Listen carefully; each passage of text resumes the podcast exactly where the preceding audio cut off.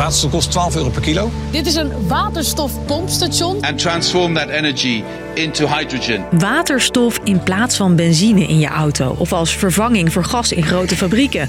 Gebeurt nu nog weinig, maar het kabinet wil er de komende jaren 4 miljard euro in pompen, zodat we in 2030 meer groene energie gebruiken. En als het aan D66 en de VVD ligt, gaat dat nog meer worden. Wat wij nu voorstellen, deze twee partijen, is dat we gaan versnellen. Want we hebben het heel hard nodig. Ik ben Chrisje en ik leg je uit wat waterstof is en waarom dat wel of juist geen goed idee is.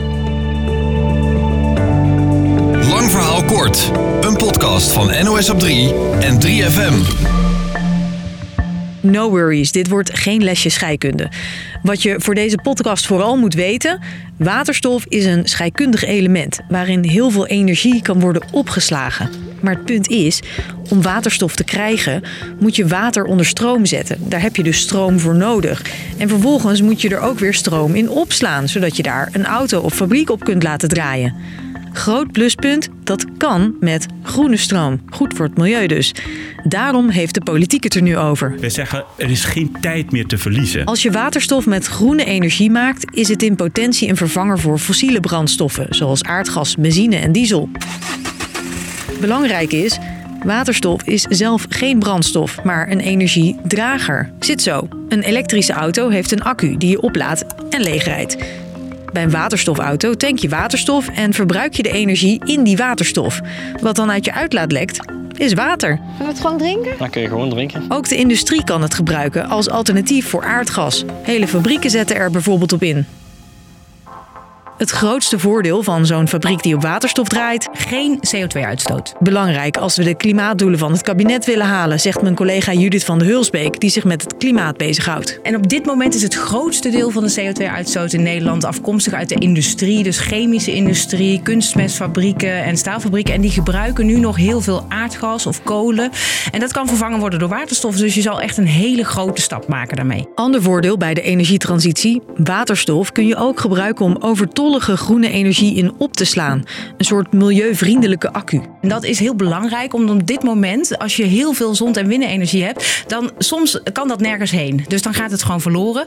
Nou, je kan dat omzetten naar waterstof. En zeggen voorstanders, een deel van de infrastructuur ligt er al. Voor waterstof is groene energie en water nodig. Dat kan bijvoorbeeld komen uit de nieuwe windparken in de Noordzee. Daar staan nu al platformen voor olie en gas met leidingen naar het vasteland. Op deze plek komt hij ongeveer te staan. Nou, daar komt dan ook eh, de container te staan die vanuit zeewater eh, water maakt. Op dit platform experimenteren ze met het maken en vervoeren van waterstof in plaats van gas. Nou, die platforms zijn heel erg belangrijk in de toekomst, omdat dat natuurlijk ook de aansluitpunten zijn naar de pijpleidinginfrastructuur die beschikbaar komt als we steeds minder olie en gas winnen in Nederland. En dan kunnen we die pijpleidingen gebruiken om waterstof te transporteren. Maar er zijn ook nadelen. Het scheikundig proces om waterstof te maken vreet namelijk energie. Klinkt gek hè? Een milieuvriendelijk alternatief voor fossiele brandstoffen dat zelf ook energie vreet. Judith legt het uit. Het is op dit moment nog niet heel efficiënt om waterstof te maken. Want je hebt er heel veel energie voor nodig hè, om die eh, moleculen te splitsen. Ehm, en je wil ook dat dat met groene energie gebeurt. Overstappen op waterstof wordt dus alleen een succes als er veel en veel meer groene energie wordt opgewekt. Wind of zon dus. Dat is ook de reden waarom er nu nog nauwelijks waterstofauto's in Nederland rijden.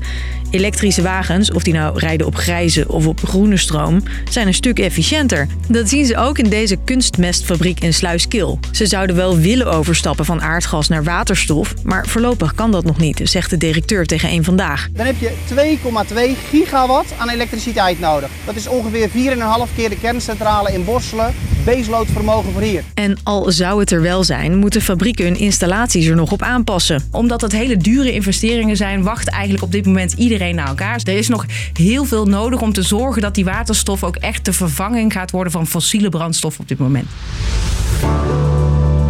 Dus, lang verhaal kort. Als het aan D66 en VVD ligt, moet het kabinet nog meer inzetten op waterstof, zodat fabrieken minder afhankelijk zijn van aardgas en dus ook veel minder CO2 uitstoten.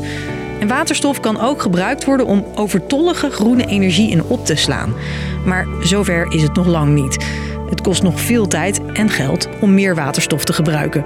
En er is vooral veel meer groene energie nodig dan nu beschikbaar is. dat was hem weer voor vandaag. Morgen dan zijn we er weer met nieuwe energie en een nieuwe aflevering. Doei!